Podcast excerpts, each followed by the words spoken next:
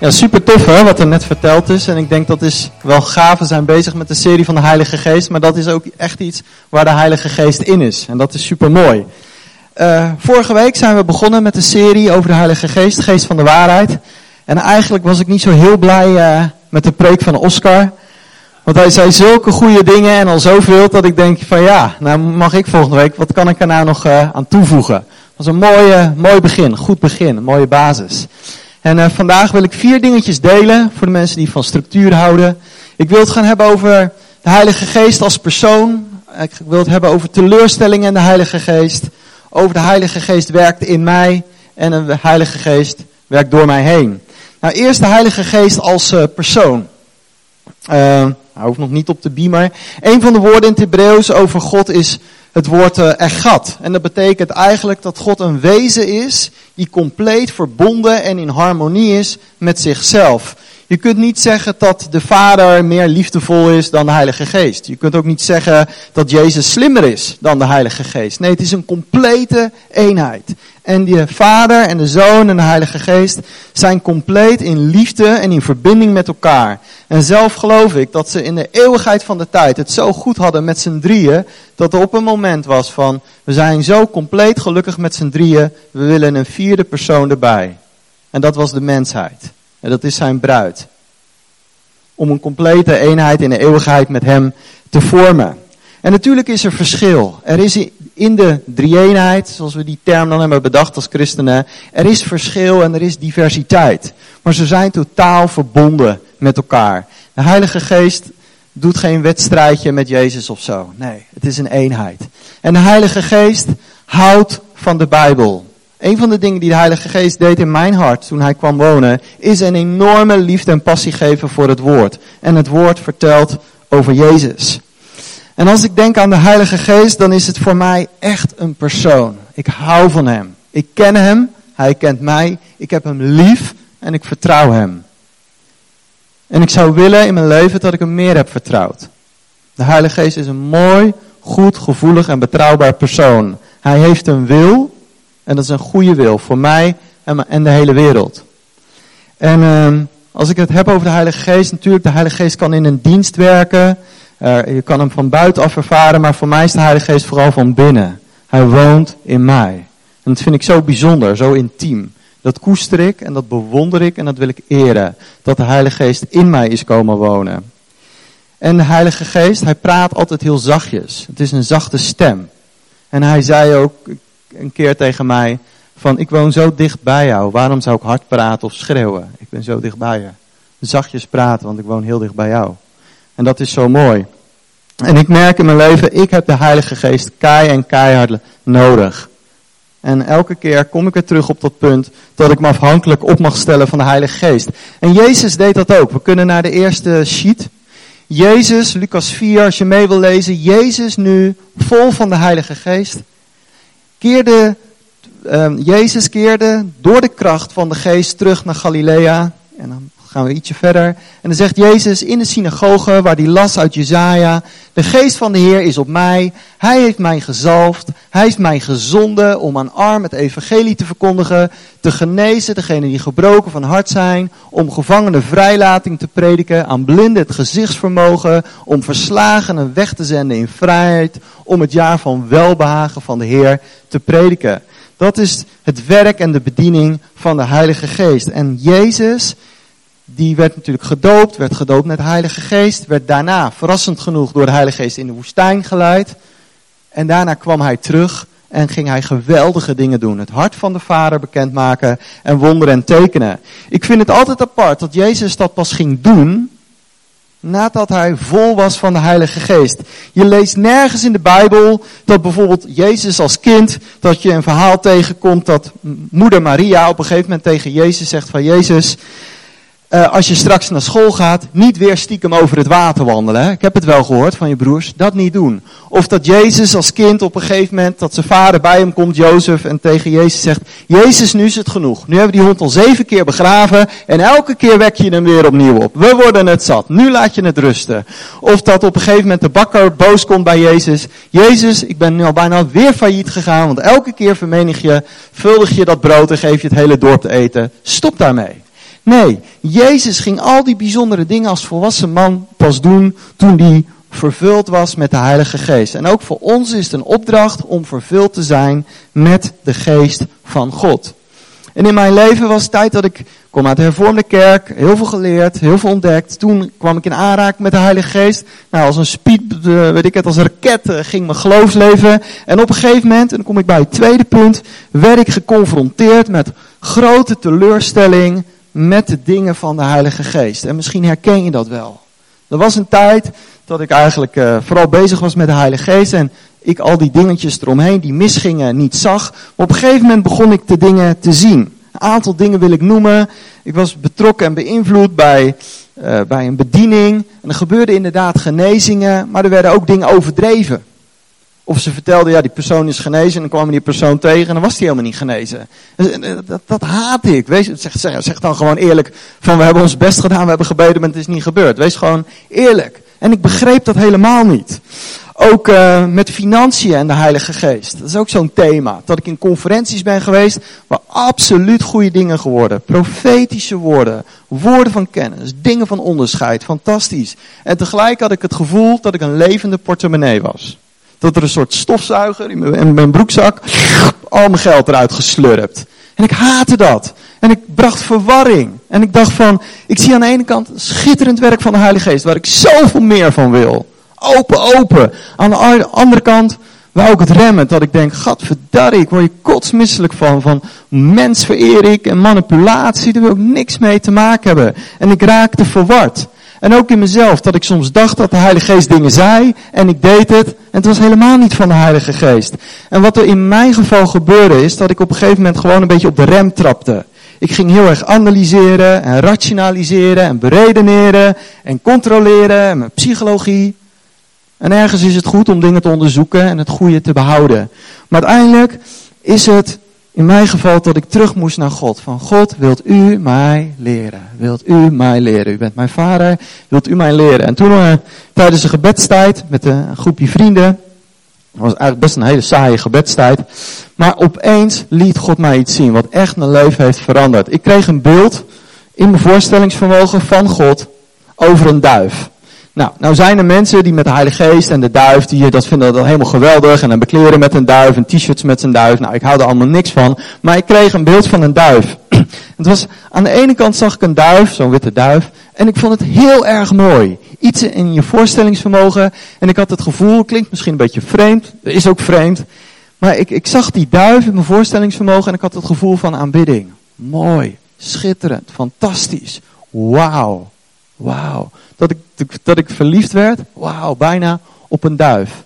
En toen keek ik aan de andere kant en toen zag ik die duif helemaal besmeerd met van dat teer, met van dat olie. Wat je soms wel ziet op een journaal als zo'n tanker ergens in de zee omgekukeld is. Dan komt al die olie en die teer die komt aan het land en al die arme vogels zitten eronder.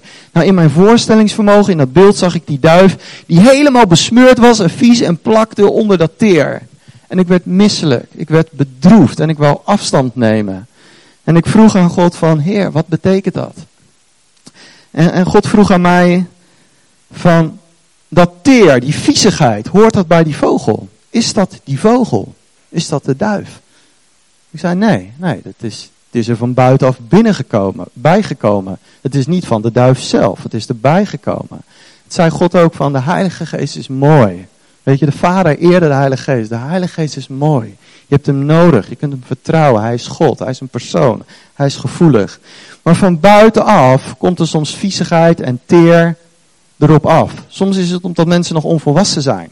Weet je? Als ik terugkijk, denk ik dat ik ook heel veel dingen heb gedaan dat ik aardig de Heilige Geest hier en daar besmeurd heb. Je leert. Geef leiders, geef mensen ook genade. Geef ze geduld. Weet je? Maar leer te onderscheiden. Ik moet leren en dan moet ik nog steeds om te onderscheiden. Oké, dat is het werk van de Heilige Geest. En er komt altijd een stukje mensenwerk bij. En dat kan vies zijn. Dat zie je ook in de Bijbel. Een van de, van de personen is Simson. Simson had een krachtige, geweldige zalving van God. Tegelijk leefde hij in hoererij en deed hij verkeerde dingen. En ik moest in mijn leven teleurstelling loslaten. En misschien moet je, ben je hier vandaag ook wel dat je merkt van ja, ergens hou ik van de Heilige Geest, maar ergens vind ik het lastig en moeilijk. En een tekst die mij enorm heeft geholpen is deze. Daar kunnen we even naar kijken uit de Samuel. Ja, um, Oude Testament, het verhaal van Samuel en Saul. 1 Samuel 15, vers 35 of uh, 16, Samuel zag Saul niet meer tot de dag van zijn dood, maar Samuel droeg leed over Saul. De Heer had berouwd dat hij Saul tot koning over Israël had aangesteld. de Heer zei tot Samuel, hoe lang zult gij nog leed dragen over Saul? Ik heb hem toch verworpen dat hij geen koning over Israël meer zal zijn. Vul uw hoorn met olie en ga heen. Andere vertaling zegt, ga op weg. Want ik zend u naar de Bethlemiet Isaïe. Want onder zijn zonen heb ik mij een koning uitgezocht. Nou, Saul is natuurlijk de eerste koning die gezalfd is. Zalving op zijn leven. De eerste periode van Saul was goed. Hij deed geweldige dingen. Vijanden weg. Bescherming. Goede samenwerking met de profeet. Het land werd sterker en gezond. Saul, de eerste jaren gezond en sterk. Maar toen maakte hij fouten. En een van de grootste fouten die Saul maakte, hij werd niet meer leerbaar. Hij werd niet meer corrigeerbaar, niet meer trainbaar. Hij dacht, ik doe het goed. En hij liet zich niet meer uh, verrijken door het advies van andere mensen. En op een gegeven moment zegt God natuurlijk tegen Saul van, joh, ben er klaar mee. En wat is er? Samuel was bevriend met Saul. En die hoort van, het is afgelopen met Saul. En Samuel is dan een nacht aan het huilen, staat er in de Bijbel. En een nacht aan het roepen, aan het voorbeden doen van Saul. En hij is bedroefd over, over Saul. En op een dag zegt God tegen Samuel van, um, laat het los. Laat los die oude zalving, er komt iets nieuws voor in de plaats. Laat het oude los, er komt iets nieuws. Worstel er niet langer mee. Laat het niet langer jouw verantwoordelijkheid zijn, maar laat het los. En dat, dat idee had ik ook dat, dat God zei van, soms is het oude geweest en is het nieuwe gekomen. Is het nieuwe gekomen. En wat zo mooi is, dat Samuel dan, ik neem even een slokje water ondertussen. En Samuel mag dan op weg gaan en hij moet zijn hoorn opnieuw vullen. Zijn hoorn opnieuw vullen. Waarom? Om David te zalven. David, de zoon, de vader van het geslacht van Jezus. Is dat niet mooi? Dat je soms oude ervaringen mag loslaten. En dat je opnieuw mag vullen om uiteindelijk de zoon van David, Jezus, bekend te maken. Samuel, wat een eer dat hij zijn hoorn mocht vullen om uiteindelijk uit het geslacht van David de Messias, Jezus, te zalven. Fantastisch. En misschien eh, een aantal van jullie dat je teleurgesteld bent en dan wil ik zeggen, vul vandaag of de komende periode opnieuw je hoorn met olie. Zodat je de zoon van David, Jezus Christus, in je omgeving bekend mag maken. Derde punt, waar ik het over wil hebben, is de Heilige Geest. Die werkt in mij op het gebied van karakter en relaties. De Heilige Geest is naar mijn beleving een familieman, een relatieman. En hij wil dingen leren voor onszelf. Als we kijken naar de volgende tekst, dan staat er de trooster, de geest van God, de heilige geest, die de Vader zenden zal in mijn naam, die zal u alles leren en u te binnenbrengen, al wat ik u gezegd heb. En dan de volgende. Uh, ja, nog eentje verder. U hebt de heilige geest ontvangen, of de zalving, en hij woont in u. Daarom hoeft niemand anders u iets te leren wat God wil, want hij zelf is uw leraar. Wat hij zegt is de waarheid en geen leugen. Doe daarom wat de Heilige Geest u geleerd heeft en blijf één met Christus. Nogmaals, vrienden, blijf één, intiem, heb ik erbij geschreven, met de Heer. Het is heel mooi, de zalving, de Heilige Geest wil ons dingen leren. En ik geloof dat het niet zozeer op het gebied van theologie is, want we hebben allerlei verschillende visies over Israël en de eindtijd. Deze tekst zie ik dat de Heilige Geest mij persoonlijk wil leren over waar ik verantwoordelijk voor ben. Ik geloof in internationale leraren die ons de Bijbel uitleggen. Ik geloof lokaal niveau, oudsten en voorgangers die ons dingen wil leren. Maar zij kunnen niet leren hoe ik op het meest geweldige manier om kan gaan met mijn vrouw of mijn twee kinderen. De Heilige Geest wel. En de Heilige Geest heeft in mijn leven enorm veel mij geleerd op het gebied van het huwelijk en het gezin. Zonder de Heilige Geest was, het, was, de, was er veel minder vrede en vreugde en, en dankbaarheid en plezier in mijn huwelijk. Dat heeft te maken met het werk van de Heilige Geest. De Heilige Geest vindt het huwelijk en het gezin belangrijk. Dat zie je in Efeze 5. Dan staat er van alles over de Heilige Geest. En daarna gaat Paulus praten over het huwelijk en het gezin. En in mijn geval heeft de Heilige Geest heel veel geleerd. Misschien omdat ik dat keihard nodig heb, heb gehad en nog steeds. Vast wel, maar het is enorm belangrijk. En de Heilige Geest, hij is, je hebt natuurlijk dat beeld hè, van die drievoudige snoer. Nou, die drievoudige snoer, Heilige Geest wil zoveel goede dingen doen in huwelijken en gezinnen. Dat vind ik zo mooi. En ik geloof, een van de passies van de Heilige Geest op dit moment in de kerk is gezonde huwelijken en gezonde gezinnen, zodat de wereld om ons heen heeft van, wauw, die christenen, wat een vreugde, wat een plezier, wat een waardering is daar in huwelijken en gezinnen. Kunnen we niet zelf, we kunnen elkaar daarin helpen, maar het is vooral de Heilige Geest. Een ander iets wat mij enorm heeft geholpen is de gave van tongentaal. En uh, uh, ik kom uit een traditionele kerk en ik vond het op zich wel logisch. Je bent een nieuw mens, je hoort bij een nieuw koninkrijk en je krijgt een nieuwe taal. Voor mij was het wel heel logisch. Toch vond ik het heel vreemd, dat gebrabbel en dat gebazel, weet je. Ik had wel zoiets, ik wil de vrucht wel van, van, van tongentaal. Want dat is, het bouwt je geloof, het sticht jezelf. Maar dat ik het niet meer begrijp met mijn verstand, ja, ik weet niet of ik dat aan kan. En vrienden van mij spraken al wel in tongen, die, die groeiden daarin en ik niet. Op een gegeven moment had ik het zoiets, nou oké, ik laat het los.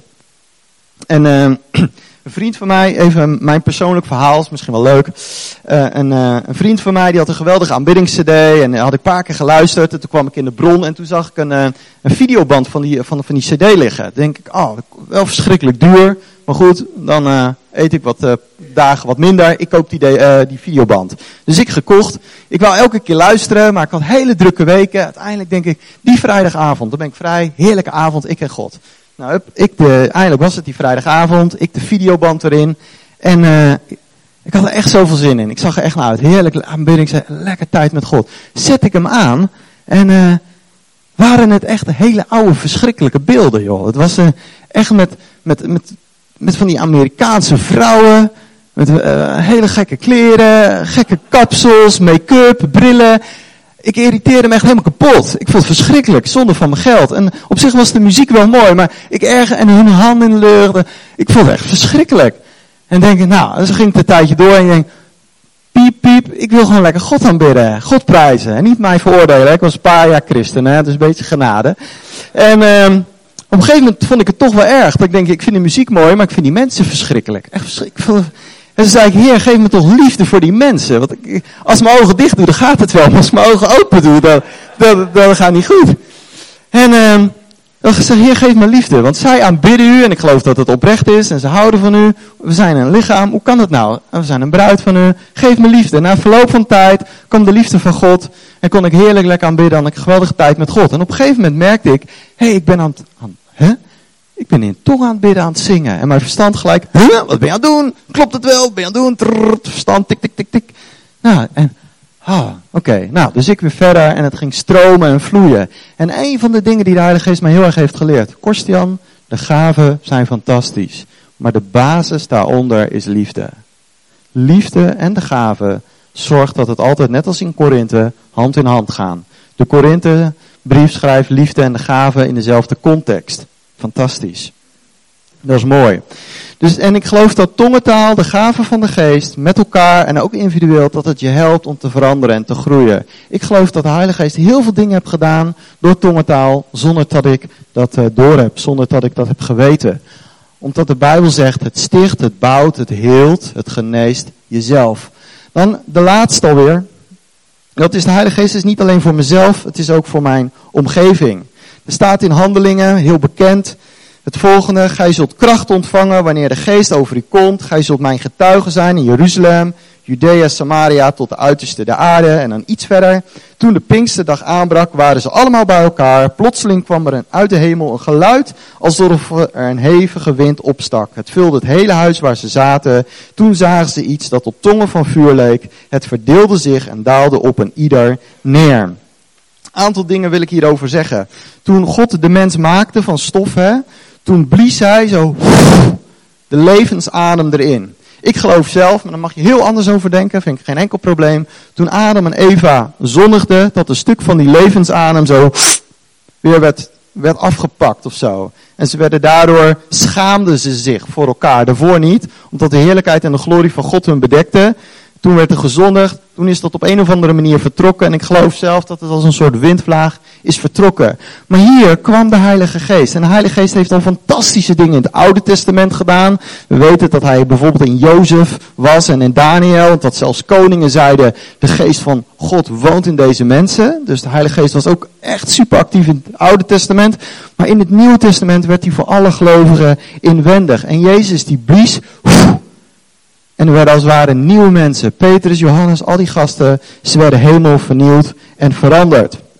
Wat ook zo mooi is, is dat um, um, als je kijkt naar de discipelen, dat waren natuurlijk Joodse mannen. Die hadden daarvoor het Paschafeest, dat is het paasfeest gevierd. En dan staat er in Leviticus 23, wat ze allemaal hielden, dat ze moesten tellen. Vijftig dagen moesten ze tellen naar het volgende feest. Dat is het oostfeest. Dus die gasten die waren allemaal aan het tellen, Paschafeest, 50 dagen en dan was het feest. Daarom waren al die gasten ook bij de tempel gekomen uit allerlei landen. En dan was het feest van de oogst. Het feest van de eerstelingen, Shavuot.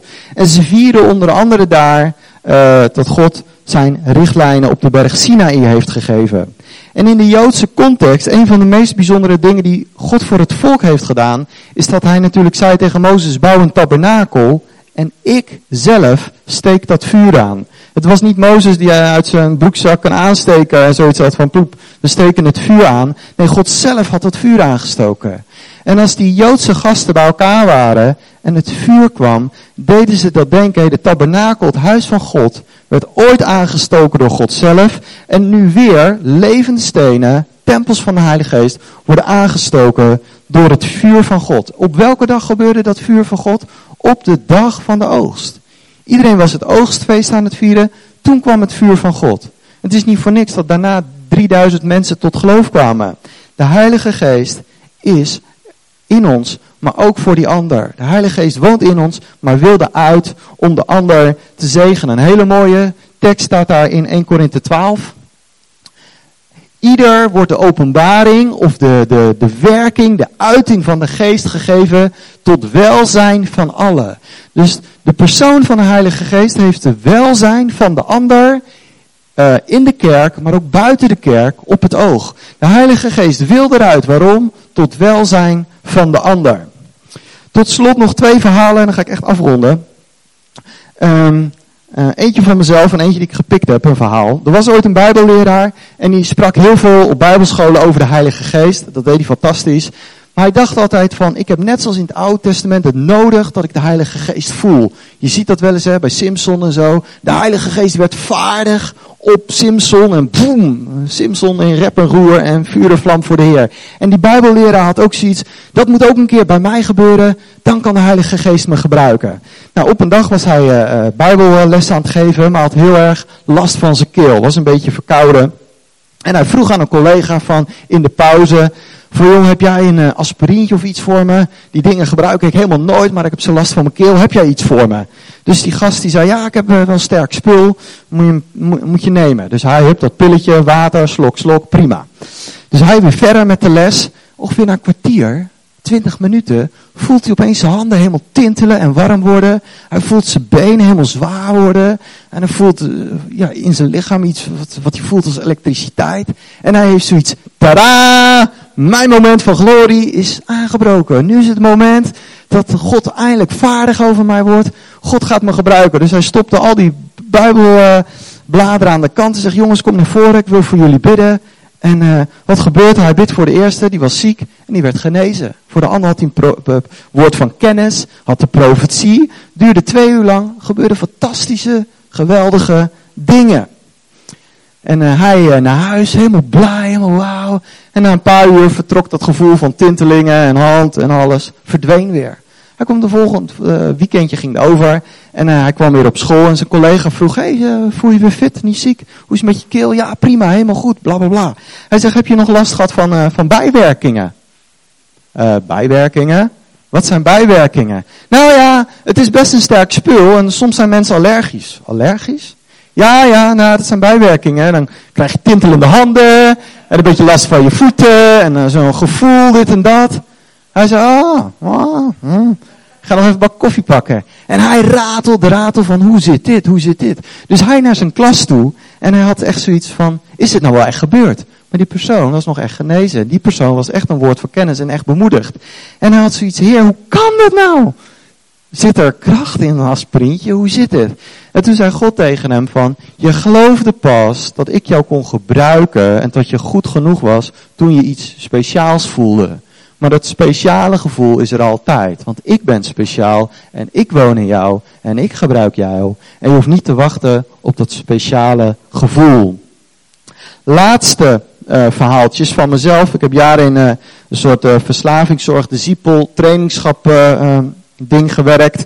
En uh, het was een keertje vrijdagmiddag en ik was echt, misschien ken je dat wel, ik was echt super moe en super brak en ik had het echt gehad. Ik had mijn, uh, het was in de winter, mijn muts en alle kleren had ik aan. Mijn laptop, ik wou naar huis, eindelijk huis, eindelijk weekend. En dan kwam zo'n cliënt naar me toe en die zei van, ik zie het niet meer zitten, ik wil dood, ik ben depressief, ik kan echt niet meer. Kan ik even met je praten, dit en dat ik wil naar huis. Ik heb de hele week van dat soort gesprekken. Ik wil gewoon naar mijn vrouw en kinderen. Ik wil weekend. Ik zei, nou, ik kan niet heel gesprek aanbieden, maar wat ik kan, ik kan voor je bidden. En eigenlijk, eerlijk gezegd, was mijn motief slecht. Het was gewoon echt slecht. Ik denk, ben ik er vanaf? Is er iets? Gebeurt er iets geks? Dan hoef ik me niet slecht te schuldig te voelen. Ik heb deze week al drie keer met hem gepraat. Ook nog voor hem gebeden, is klaar. Mijn motief was echt slecht. Dus ik denk even snel, mijn hand erop. Niet duwen, haat ik, gewoon heel lichtjes. Dus ik leg mijn hand erop, begin gewoon te bidden. Heel droog. Mijn gedachten zaten bij de terugweg. En opeens, hij valt bijna om. Dus ik til hem met mijn andere hand op. En ik zeg, wat gebeurt daar? Hij zegt, ja, de kracht van God. Nou, oké. Weet je, ik geloof de kracht van God kan komen. Eén lichaam reageert er anders op dan een andere lichaam. Prima. in elk geval, ik zei nog wat dingen. En hij zei, ik voel me helemaal levend, helemaal krachtig. Ik kan er helemaal tegenop. Helemaal enthousiast. En dat ik dacht, hoe kan dat nou? Ik ben zo brak als het maar kan. En hij wordt tot leven gewekt. Maar dat is de Heilige Geest. Ook al voel je jezelf niet in de stemming. Heilige Geest is altijd in de stemming om iets voor die ander uh, te doen. Geweldig.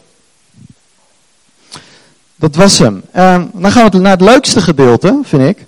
Want uh, een aantal van jullie doen ook uh, de live building hè, van het ontvangen van Gods stem en horen.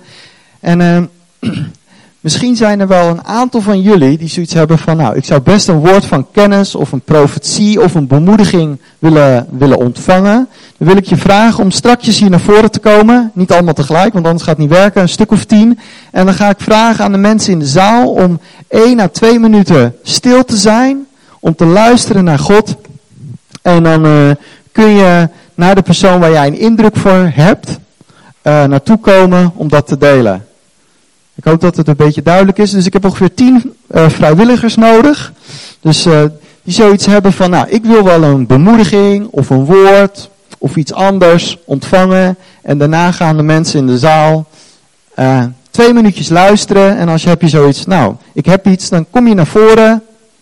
En dan mag je het gewoon delen. We doen het niet verder met de microfoon, dat is allemaal niet nodig. En dan sluiten we de dienst af.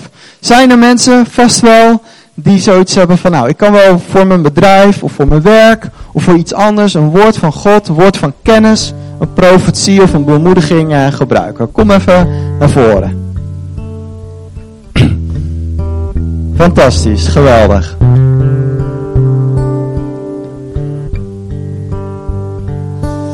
Ook nog vrouwen? Ja, heel goed, heel goed.